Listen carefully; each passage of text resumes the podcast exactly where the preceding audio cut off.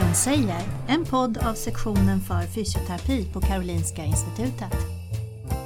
Vi som arbetar här forskar och undervisar om samspelet mellan rörelse, fungerande och hälsa.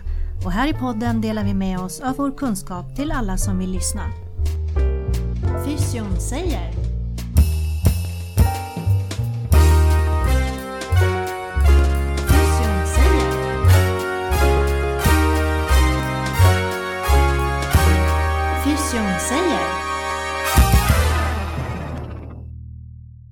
Ja, välkommen till Fysion säger. Mitt namn är Wim Schroten och jag jobbar på Karolinska Institutet. Dagens tema blir smärta. Och ni tror säkert, ja men det där har vi hört. Ja, vi har haft ett poddavsnitt om smärta, avsnitt nummer två om jag minns rätt. Men eh, idag ska vi ta ett helt annat perspektiv. Och för detta har jag bjudit in Tom Arild Torstensen. Tusen tack. Vi brukar låta personerna som kommer till studion berätta själva lite grann. Vem är Tom? Eh, ja, jag är, eh, jag kommer från Norge, bodde i Sverige nu i 21 år. Bildad fysioterapeut och specialist i ortopedisk manuell terapi. Eh, Jobbar fortsatt klinisk. Mm. Jobbar fyra dagar i veckan med patienter. Det har jag gjort i snart 40 år. Mhm. Så jag är äldre. Men du är fortfarande doktorand också hos oss. Ja, jag ska öka att komma till det, så jag är doktorand och, och, och du är ju en av mina viktigaste handledare, samman med Björn Eng. Vi eh, håller nog på att eh, skriva den första artikeln här som är resultaten från en stor randomiserad studie som vi har gjort då. Mm. Vi kan prata om den en annan gång till Det mig. kan vi göra. Att vi pratar smärta idag är för att eh, det har kommit eh, en, en del nytt material och lite gammalt material. Och eh, till exempel det kom en ny bok om smärta precis. Och när jag visade den till dig då säger jag, ja men det där är gammalt. och även Lancet hade ett temanummer om smärta. Och eh, du säger, nej men det där, de har inte fattat. Och då måste Sa jag jag tänka, ja, det, ja, ja, jag tolkar det så. Ehm, för att du har en helt annan syn på smärta än det vedertagna. Eller? Ja, kanske. Alltså smärta är en homeostatisk känsla. Ja, stopp. Nu, det, det här måste läsa, Ja. lyssnare helt fatta. Homeostatisk Ja, känsla. och, jag, och det är en eh, forskare bort från USA som heter Buddy Craig Mm. som skrev om detta här eh, för 10, 15, 20 år sedan. Så, så i verkligheten så är det inte något nytt men, men det är ju kanske svårt att få igenom det tänket som han och, och andra forskare som eh, tänker i de banorna då. Men för att förstå homeostas så kan vi tänka oss att, att du är hungrig, Mm. eller hur? Och, och då äter man såklart för att, för att bli mätt och, och då det att äta då, det, det kan man också säga är en allostatisk eh, aktivitet, alltså s- som igen då skapar en, en homeostas då. Och det här aktiverar såklart massa olika kroppsliga systemer. Mm. Eh, detsamma är ju också om man är varm, väldigt varm. Ja men då, då gör man vissa saker för att kyla ner sig. Eh, och, och de saker man gör för att kyla ner sig det, det skapar då allostatiska Ja. mekanismer som igen då skapar en homeostas som gör att man har en okej temperatur. Mm. Eh, Samma med törst, Mm. eh, andning, alltså, alltså oxygen. Eh, det är också något, alltså om vi håller andan för exempel, eh, då får vi ju eftervärt air hunger. Ja. Eh, och då måste man andas för att, för, för att få en homeostas i det systemet igen då. Ja. Och jag läste också att han pratade om när man måste klia sig. Det är också sånt här grej, man måste bara göra det. Eller hur? Ja. går inte. Nej, Nej. och, och, och det, där kliar man sig för att skapa då, eh, en, en homeostas igen, eller hur? Ja. Mm. Så homeostas, om, om man säger enligt hans definition då, is a dynamic and ongoing process comprising many integrated mechanisms that maintain an optimal balance in the physiological condition of the body for the purpose of survival. Yes. Det var en del i din definition, den andra var då eh, att det är kopplat till känslor. Ja, alltså det är detta som jag tycker har varit jättesvårt att förstå eh, upp genom åren, att det smärta är en känsla. En, eh, som många andra känslor vi har från kroppen då. Och eh, om man då för exempel man tråkar över ankeln då, Mm. traumatiserar vävnaden i ank ankeln då, ja, så blir det ju en, eh, en aktivering av de här nociceptiva Mm. nervimpulserna. Eh, De sänker sina trösklar och skickar nervimpulser till hjärnan, eller hur? Mm. Och så tolkar då olika områden i hjärnan både den situationen som man ser, Mm. men också det som kommer då inifrån kroppen då som en fara. Ja. Ja. Och då, det man gör är att man håller ju då ankeln i, i ro efteråt, eller hur? Ja. För att undvika mer smärta. Mm. Så det kan du se, det är ju, en, det är ju då i och för sig en allostatisk mekanism där sån. För att undvika mer smärta i och med att det då är en fara för vävnadsskada. Då. Mm. Ja. Och så kan man ju då börja att tänka lite grann runt alla patienter som vi ser då Mm. som, som är okoordinerade, som har nedsatt muskelkraft, Mm. kanske på grund av smärta igen då. Och det är ju också kroppens reaktion på smärta. Ja. Så du kan se att de allostatiska mekanismerna som smärta skapar Mm. för att undvika smärtan, Ja. de är inte bra för oss. Nej. Nej. Eh, och det där har jag jättesvårt för att komma runt. Liksom, ja, men hur ska man förstå allostas och homostas när det gäller smärta? Ja. Men så är det ju många då som såklart börjar röra på den ankeln igen. Då. Man Mm. tänker att nej men shit, jag kan inte bara sitta här med foten i vädret. Jag måste börja röra på den, eller hur? Mm. Ja. Och många klarar ju att fixa det själv genom aktivitet och, och svullnaden går ned och Mm. du får såklart en, en inflammationsprocess och en, en, eh, som är en läkningsprocess. Då. Mm. Så börjar man att jobba med musklerna eh, och, och leden och, och så minskar då symptomen och smärtan och så normaliseras ting igen. Då. Ja. Eller så kommer man kanske till en fysioterapeut Ja. för att man fixar inte det själv. Och det kan man ju se är en ganska intressant mekanism när en människa söker hjälp Ja. för att få bort den här smärtan. Mm. Och jag har som sagt har snart jobb, arbetat nu i 40 år och eh, jag frågar då mina patienter liksom efter vart, eh, vad, vad, vad syftet med vad, varför kommer du till mig? Vad, Mm. vad önskar du att uppnå? Och då må jag bara se att eh, 99,999% säger de bara kollar på, eh, undrar om jag är kanske lite dum, men de säger va? Liksom, ja men jag vill ju bli av med smärtan. Ja. Ja, eller hur? Ja, det är det som man Så är det. Ja. Ja men vad för metoder använder jag för att Mm. få bort smärtan? Mm. Ja, nej men jag har ju tagit vidareutbildning i ortopedisk manuell terapi och där ingår ju massa olika metoder från mjukdelstekniker till manipulation till mobilisering. Jag jobbar mycket med en träningsmetod som heter medicinsk träningsterapi. Mm. Så fysisk aktivitet är ju såklart en av hörnstenarna eh, inom, eh, inom vad jag gör med mina patienter. Mm. Men Men sen ser det att jag har massor med bilder med dig. Ja, storyboards. Ja. Som berättar då en historia om smärta genom teckningar. Mm. Eh, och det är stort sett sex tecknade bilder på en sida. Mm. Och som är mina patienter. Mm. Men, eh, ja, men detta måste individualiseras. Några är väldigt intresserade, andra totalt ointresserade. Så man måste liksom Mm. eh, ja, Hitta rätt. ja, välja, välja rätt väg då. Ja. Så av det första jag gör det är att ta fram eh, den här storyboarden som jag nog visar Vim. det blir ingen bra podd. eh, men då är det alltså en person som stryker sig på armen ganska lätt. Mm. Och då säger jag till patienten, då ska vi göra det här ihop, bara stryk dig lite lätt på armen. Eller först så frågar jag, har du lust att veta lite om vad smärta är? Mm. Ja. Eh, och när man ställer så direkta frågor så är det ju svårt att säga nej. precis. Ja. Och då gör vi detta här, men så, så får man ju se efter om patienten verkligen är intresserad. Ja, med en ja, sak då. Men då startar vi på det här viset att det, man stryker sig bara lite lätt på armen. Det kan du Mhm. också göra i vind då. Ja, ja, Mm. ja det hörs Och, kanske. och, då, och då säger jag, ja, då känner jag att jag stryker mig lätt på armen. Mm. Eller hur? Ja. Känner du detsamma? ja, jag känner samma. Ja. Och så ser jag att när man då stryker sig lätt på armen så aktiverar man nervceller i huden. Mm. Mm. Och de nervcellerna i huden skickar nervimpulser till hjärnan Mm. och så sker det massa kemiska processer i hjärnan. Mm. Och de kemiska processerna de kan faktiskt hämma en smärtkänsla. Ja. Och på den här storyboarden här så är det då en bild av en som masserar en rygg Och så har vi lagda lite gröna gubbar som springer upp till hjärnan och så är det ett Mm. orkester som spelar trevliga toner där uppe. Ja. Och så har vi också gjort en tankebubbla här. Och det är att eh, när jag sa till dig Wim att du skulle stryka där på armen. Mm. Så visste du allerede hur det kom att kännas. Ja. För du strök där. Så du hade alltså en förväntans Ja. eh, effekt på hur det skulle kännas. Och bara den förväntan, eh, berättar jag för mina patienter, den skapar också de här kemiska processerna i hjärnan. Då. Ja. Mm.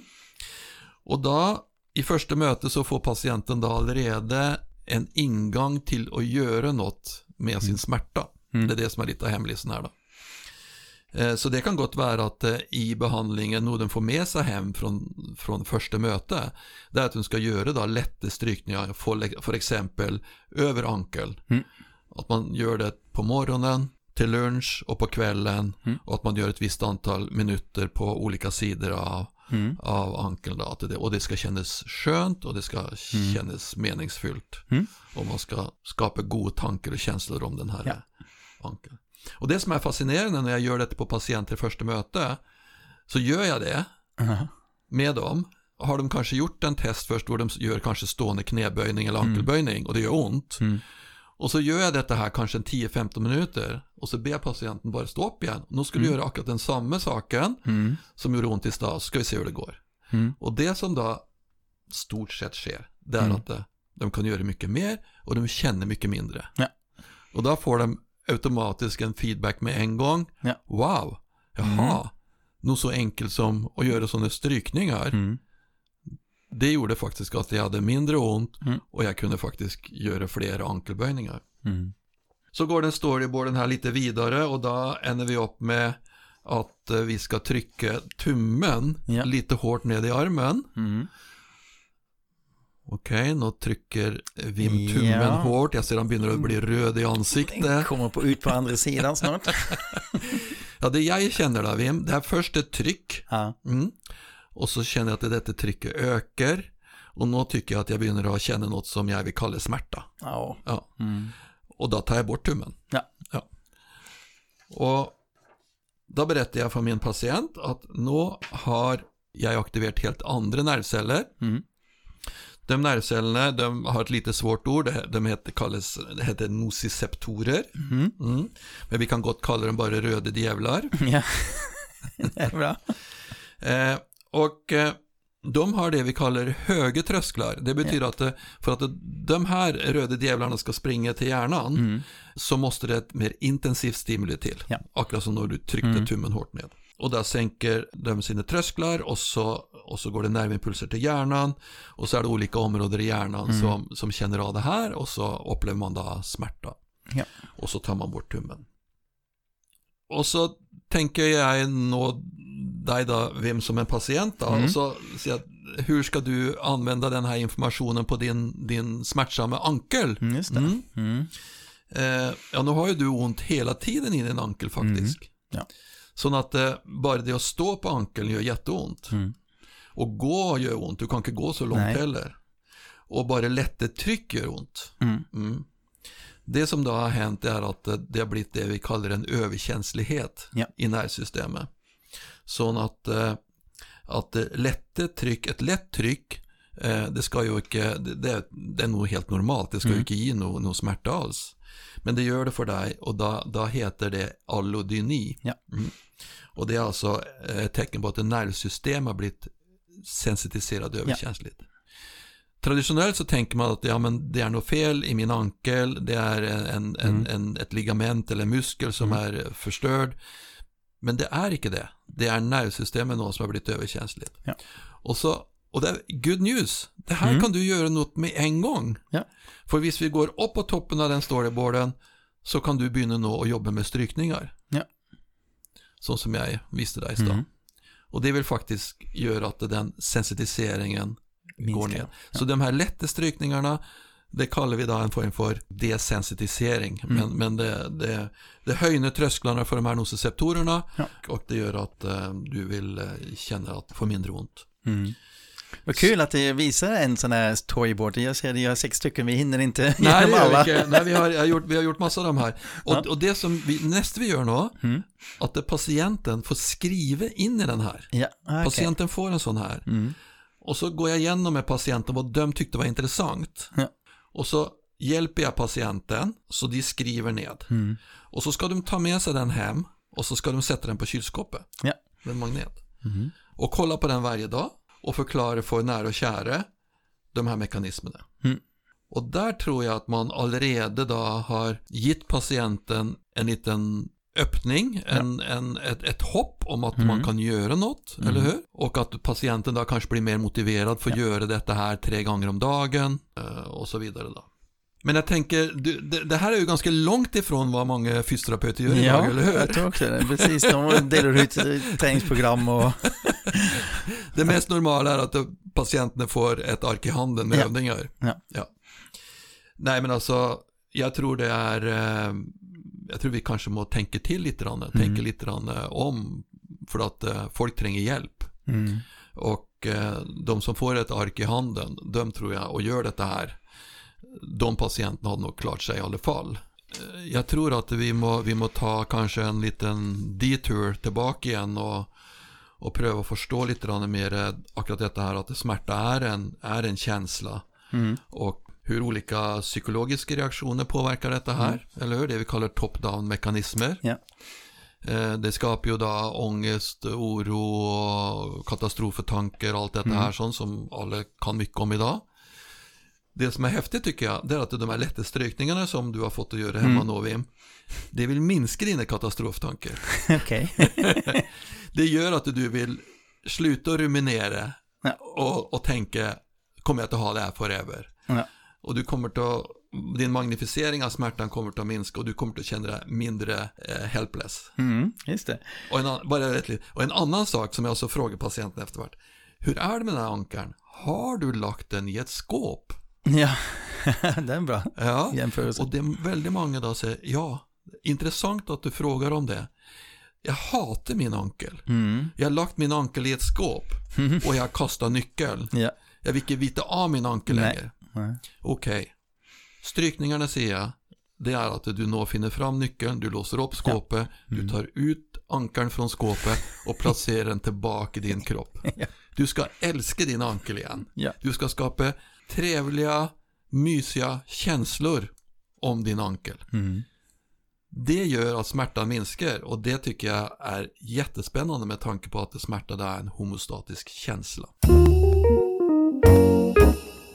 För att den är, jag vill stanna kvar i, i känsla, uh, homostatic emotion då, som eh, Greg eh, skriver då. Eh, för att, eh, och där jämför han mycket mot, eh, mot värme och kyla. För att ibland är värmen jätteskönt om man är kall och ibland är kyla eh, väldigt dåligt när man är redan kall. Och eh, tvärtom, så det, man kan inte säga vad som är bra eller dåligt. Eh, är det samma sak med smärta då? Ja, det är i alla fall min erfarenhet och det tror jag man också har, har dokumenterat. Och har ju Fabrizio Benedetti har ju kollat en del på det. Han är ju den stora placebo nocebo-forskaren från Italien. Eh, och de har ju sett på när man ger positiva cues och påverkar, och, och, ge, och påverkar försökspersoners smärta. Ja. Så ser man ju det att eh, man faktiskt eh, producerar en endogena opiater. Ja. Och tolererar mycket, mycket mer smärta.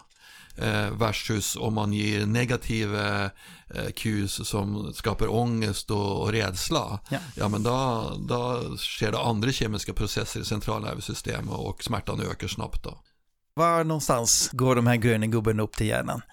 Det finns faktiskt en fysioterapeut som doktorerat på detta här i Göteborg för en del år tillbaka. Kanske inte akkurat detta men i alla fall inom detta temat då. Men så har du då en forskargrupp då som håller till i Göteborg och Linköping. Håkan Olavsson, Johan Westberg eh, bland annat och de Håkan Olofsson är då en editor här som på en bok som kom ut för eh, två, tre år sedan bara.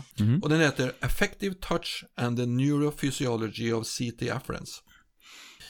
Så det är Eh, CT-afferenserna. Ja, det är alltså en nervceller som man har upptäckt i huden, men jag tror man upptäckte den för en ganska många år sedan, 20-30 år sedan. Men så har man forskat mycket, mycket mer på det här eftervart då. Eh, och eh, ser bland annat med väldigt långsamma, lätta strykningar att de här nervimpulserna då går faktiskt direkt till insula. Mhm. Eh, insula betyder ö Ja. eh, och ligger där inne i hjärnan. Och Och de refererar då till Bud Craig. Ja. Och använder liksom hon, honom då som en, en basreferens igen. Mm. För Bud Craig har ju argumenterat i alla år att insula är det område i hjärnan som hanterar, kan du säga, eh, all information, introceptiv information från, från kroppen då. Ja. Temperatur, eh, om du är törstig, hungrig, eh, hjärtslag, tryck i magen, eh, hu- om du har din andning, om du har air hunger, hur, hur, hur det ser ut där. Känslor i, i muskulaturen, om den är stram, Mm. eh, från leder, eh, noxious stimuli, alltså smärta från kroppen. Och så där är det då sensual touch då, eller, eller strykningar då.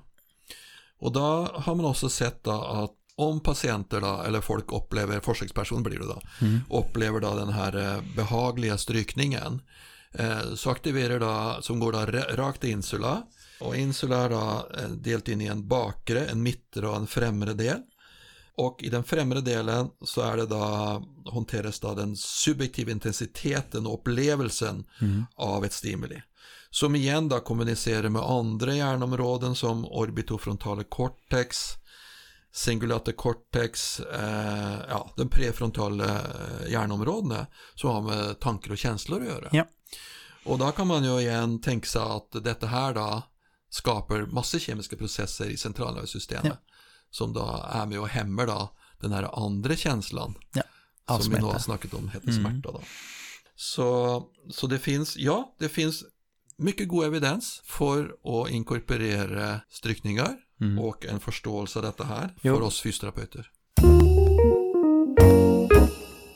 Det här som jag har lärt mig med åren vid att jobba kliniskt det är att man må vara väldigt varsam med sina patienter. Mm. Både fysiskt men också rent kommunikativt. Mm. Att eh, jag är väldigt lätt på handen när jag gör eh, manuella behandlingar. För Mm. att det ska, det ska kännas behagligt. Mm. Jag hade en patient igår som har långvarig ont i nacken. Och halvvägs ut i behandlingen så sa han bara spontant Gud vad skönt att du inte trycker så hårt. Mm. ja. Ja. Jag, jag, jag tror att det där har vi en jobb att göra som yrkespersoner Mm. igen. Och många som jobbar med, med människor och, och deras kroppar att eh, man måste lyssna på deras nervsystem. Mm. Förväntningar, det är de som förstör för oss. Mm. Vi tror att vi kommer att ha smärta. Eftersom jag redan visste att lätta skruvningar ger bra effekt behöver jag inte ens göra dem för att jag får redan effekten av det. Och då kommer man in till Martin Ingvars stora artikel om den här placebo och nocebo. Vad säger du om den då? Ja, nej men alltså, det, det, jag tycker den artikeln till Martin Ingvar där som är jättespännande. Den är, den är svår att förstå, men eh, han eh, inledde ju där med att lyfta fram Bud Craig Ja. som paradigmskifte i vår förståelse av, av smärta. När det gäller placebo och nocebo, ja, idag, som, som jag ser på det idag, det är Mm. det som gör oss till människor. Ja, Enkelt. just det. Alltså, alltså, vi har ju allt det här, eh, alla de här placebo-studierna är ju väldigt intressanta. Eh, Men jag tror ju mer kunskap vi har fått om vad placebo och nocebo är Mm. så fattar man, tycker jag i vart fall, att ja, men det här är ju, det, är- det är ju oss. Alltså Mm. det, och det är ju det, det här vi ska, vi må ju använda det hela tiden. Om Mm. inte du gör det, ja men då, då, då har man faktiskt missförstått lite grann eh, hur vi fungerar som människor. Allt vi gör bygger på förväntningar. Ja. Allt, absolut allt. Just det. Så artikeln om är intresserad heter Learning Mechanisms in Pain Chronification. Så varför man får den kroniska smärta. Han har gjort en enkel modell där man ser då att man får en sensorisk input som åker upp och så jämför man det som man hade tänkt sig. Mm. Och så skapar man en ny modell. Och det är precis som egentligen vi vet från motor learning att det går så. Att man Mm. lär sig en motorisk rörelse. Mm. Men det är då exakt samma sak vad gäller smärta. Vi tror att det uppstår smärta. Mm. Och genom att ändra då den här förväntning kan vi då påverka den här sensoriska input. Mm. Hur vi uppfattar den som smärta. Vad betyder detta då för vår behandling? Ska vi sluta ge träningsprogram? Nej, det ska vi absolut inte. Träningsprogram är jätteviktigt, men, men, men vi måste se det i en större kontext tycker jag. Mm. Eh, och där finns det också en hel del spännande forskning eh, som ser det att om vi pushar patienter eller människor för hårt så att träningen blir obehaglig Mm. så slutar man att göra det. Alltså Ja. folk gör det inte. Mm. Och det här ligger i alla fall till grund för mig idag, teorigrundlaget varför vi, må, vi måste pröva att göra träningsprogrammen, dosera dem då. Alltså att Ja. dosering tycker jag är, är lite grann nyckeln i det här, att eh, det måste doseras så att patienten känner att det är acceptabelt. Alltså det är inte något farligt med smärta. Ja. Smärta är inte farlig så länge den icke skapar ångest. Mm. Det där. Eh, och det har ju Benedett Jans forskargrupp sett också. Att, eh, Ja. att eh, ångest är smärta. Mm. Så, så skapar det du gör mer ångest, ja men Mm. då, då, då ökar då så det som vi idag kallar smärta. Just det. Så Men sen finns det de här elitidrottare och jag vet inte från musiker. När ska man sluta spela? Ja, när fingrarna blöder. No pain, no gain. ja, då har du ju nederländska forskare tror jag, eh, Flejen bland annat. Ja, just det. Och så, och så har du han i. Örebro, han eh, Mm, Linton. Linton ja. Och där var det ju väldigt mycket snack om fear avoidance i många, Ja. många år, eller hur? Mm. Och så dök ju hon, eh, en tysk psykolog upp, His, he, jag kommer inte ihåg vad hon heter i farten. Hon fokuserade kanske mer på endurance behavior, alltså överaktiveringssyndromet. Ja. Och, och det är ju väldigt klassiskt då, att då stänger man ned sina tankar och känslor och så kör man bara på. Ja. Och det här är något som jag ser efter väldigt snabbt eh, när jag Mm. har mina patienter. Alltså, hur löser du problemet? Klarar du att anpassa dig i förhållande till vad du ska göra, i förhållande till hur du mår? Eller stänger du ner dina känslor och bara kör på? Ja. Och, och, och de patienterna då som bara kör på, ja men de gör ju aldrig träningsprogram. Nej. Och fantastiska för oss fysioterapeuter som älskar massa träning. Mm. Men de är, eh, det är total felbehandling. För det eh, tror för många av dem upp genom åren som utvecklar då central sensitisering Mm. och långvarig smärta. Och de fortsätter då med sitt beteende och de får ju då såklart en, en kick då, en endor, endorfinkick av, av träningen och har ju patienter som faktiskt efter att de har varit hos mig så går de på ett eh, träningspass, inte sant? Ja. Alltså, så, så detta med vem vi är, vad för typ eh, personlighet vi har, hur vi eh, lever våra liv, hur vi löser, hur vi jobbar, eh, om vi klarar att ta pauser, Mm. eh, om man klarar att lägga sig ned i vilerummet mitt på dagen, Mm. tycker jag är väldigt, väldigt spännande. Mm. Och något som vi kanske inte hinner att snacka om här nu, det är att jag jobbar väldigt mycket med andning, observera andning Mm. och kroppsskanning. Ja. Och där prövar jag introducera detta då för eh, mina patienter. Mm. Och det är ju väldigt spännande när en person kommer tillbaka och säger att det Tom, jag har icke haft tid att observera min andning. Okej. Eller en annan patient kan säga, du vet vad, det här är det svåraste uppgiften jag fått i mitt liv. Ja. Ja. Och bara observera att man andas in och lungorna fylls med luft. Ja. Och räknar till 5-6 och att man andas ut helt ut och liksom Mm. observera att lungorna töms för luft. Jag började med att det här är en, ett nytt sätt. Ska vi kasta bort det gamla eller ska vi ha de här två synsätten bredvid varandra? Och vi, jag vet inte, det, om jag säger det gamla, då, där, där man delade upp smärta i olika typer av smärta och behandlingsstrategi anpassas då till de olika typer av smärta. Ska vi fortsätta med det? Ja, det är en god fråga. Jag har inte något klart svar på det, Wim. Jag tror inte vi ska behålla det, men jag tror vi tränger att uppdatera våra teorigrundlag Mm för eh, vad vi håller på med. Det finns eh, väldigt mycket kunskap om detta som ni pratar om. Och det är intressant att till exempel i den senaste The New View on Pain i Lancet att de inte ens nämner detta. Ja, nej, men det är väldigt fascinerande och jag, jag tror att den här, det vi har diskuterat här nu då, jag tror det är så annorlunda för många Mm. att jag tror det är, kan, kan vara svårt att ta till sig. Mm. Alltså, jag tycker det är konstigt eh, att man inte kan göra det. Jag, jag träffar ju patienter och jag undrar liksom, ja men jag har inte gjort någonting med det. Jag bara undersökte det och så gjorde vi lite smått och gott. Ja. Och så kommer patienten tillbaka och säger, ja, du vet vad, jag, jag är 50% bättre Ja. Tomari. Mm. Och så, ja men, ja, det har ju ingenting med strukturer att göra. Nej. Nej, absolut icke. Nej. Det är ingenting med någonting av mycket av det jag lärt en gång, eller hur? Mm. Och då må det vara något annat här Ja. som, Mm. som man sätter igång då. Ja, och jag tror den där förväntningarna, när de som, som spelar in, jag hörde också att det var detta en gång att folk som bokar in en tid hos dig och sen kommer de till besöket och säger att det är pinsamt, jag kommer för att jag är redan smärtfri. Mm. Och då är det egentligen förväntning att man blir smärtfri av dig och så när det var dags då är de smärtfria redan då. Ja, alltså de har ju, det är klart, det vet vi också från, från den här eh, forskningen, eh, placebo, nocebo, att, att eh, någon är ju väldigt mottagliga för positiva förväntningar och Mm. men, men det varierar ju från person till person det också, så Ja. hur, hur, det, hur det är. Och vi, ska, vi ska liksom inte basera vår behandling på det, det ska vi inte göra. Men, men det är en viktig del. Det är en Mm. viktig del, och särskilt starten för att få patienten med på Mm. vad som ska göras tror jag. jag. Jag tror att vi må bruka tid på att bli känt med våra patienter. Mm. Det tror jag är jätteviktigt. Alltså, vem är du? Och så tror jag, nog helt grundläggande, vi må visa intresse Mm. i den som kommer in dörren. Eh, och det är bara att läsa Sören Kierkegaard så förstår vi liksom hur vi funkar tycker jag. Där, och där tror jag vi tränger att, att stoppa upp och tänka efter.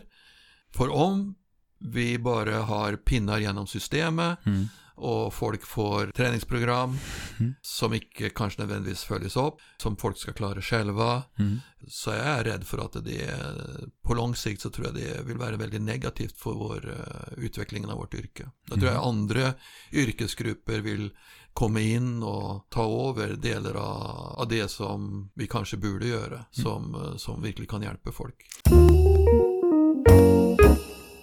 En sista fråga här nu innan vi slutar. Eh, vad tror du Tom kommer att hända framöver nu?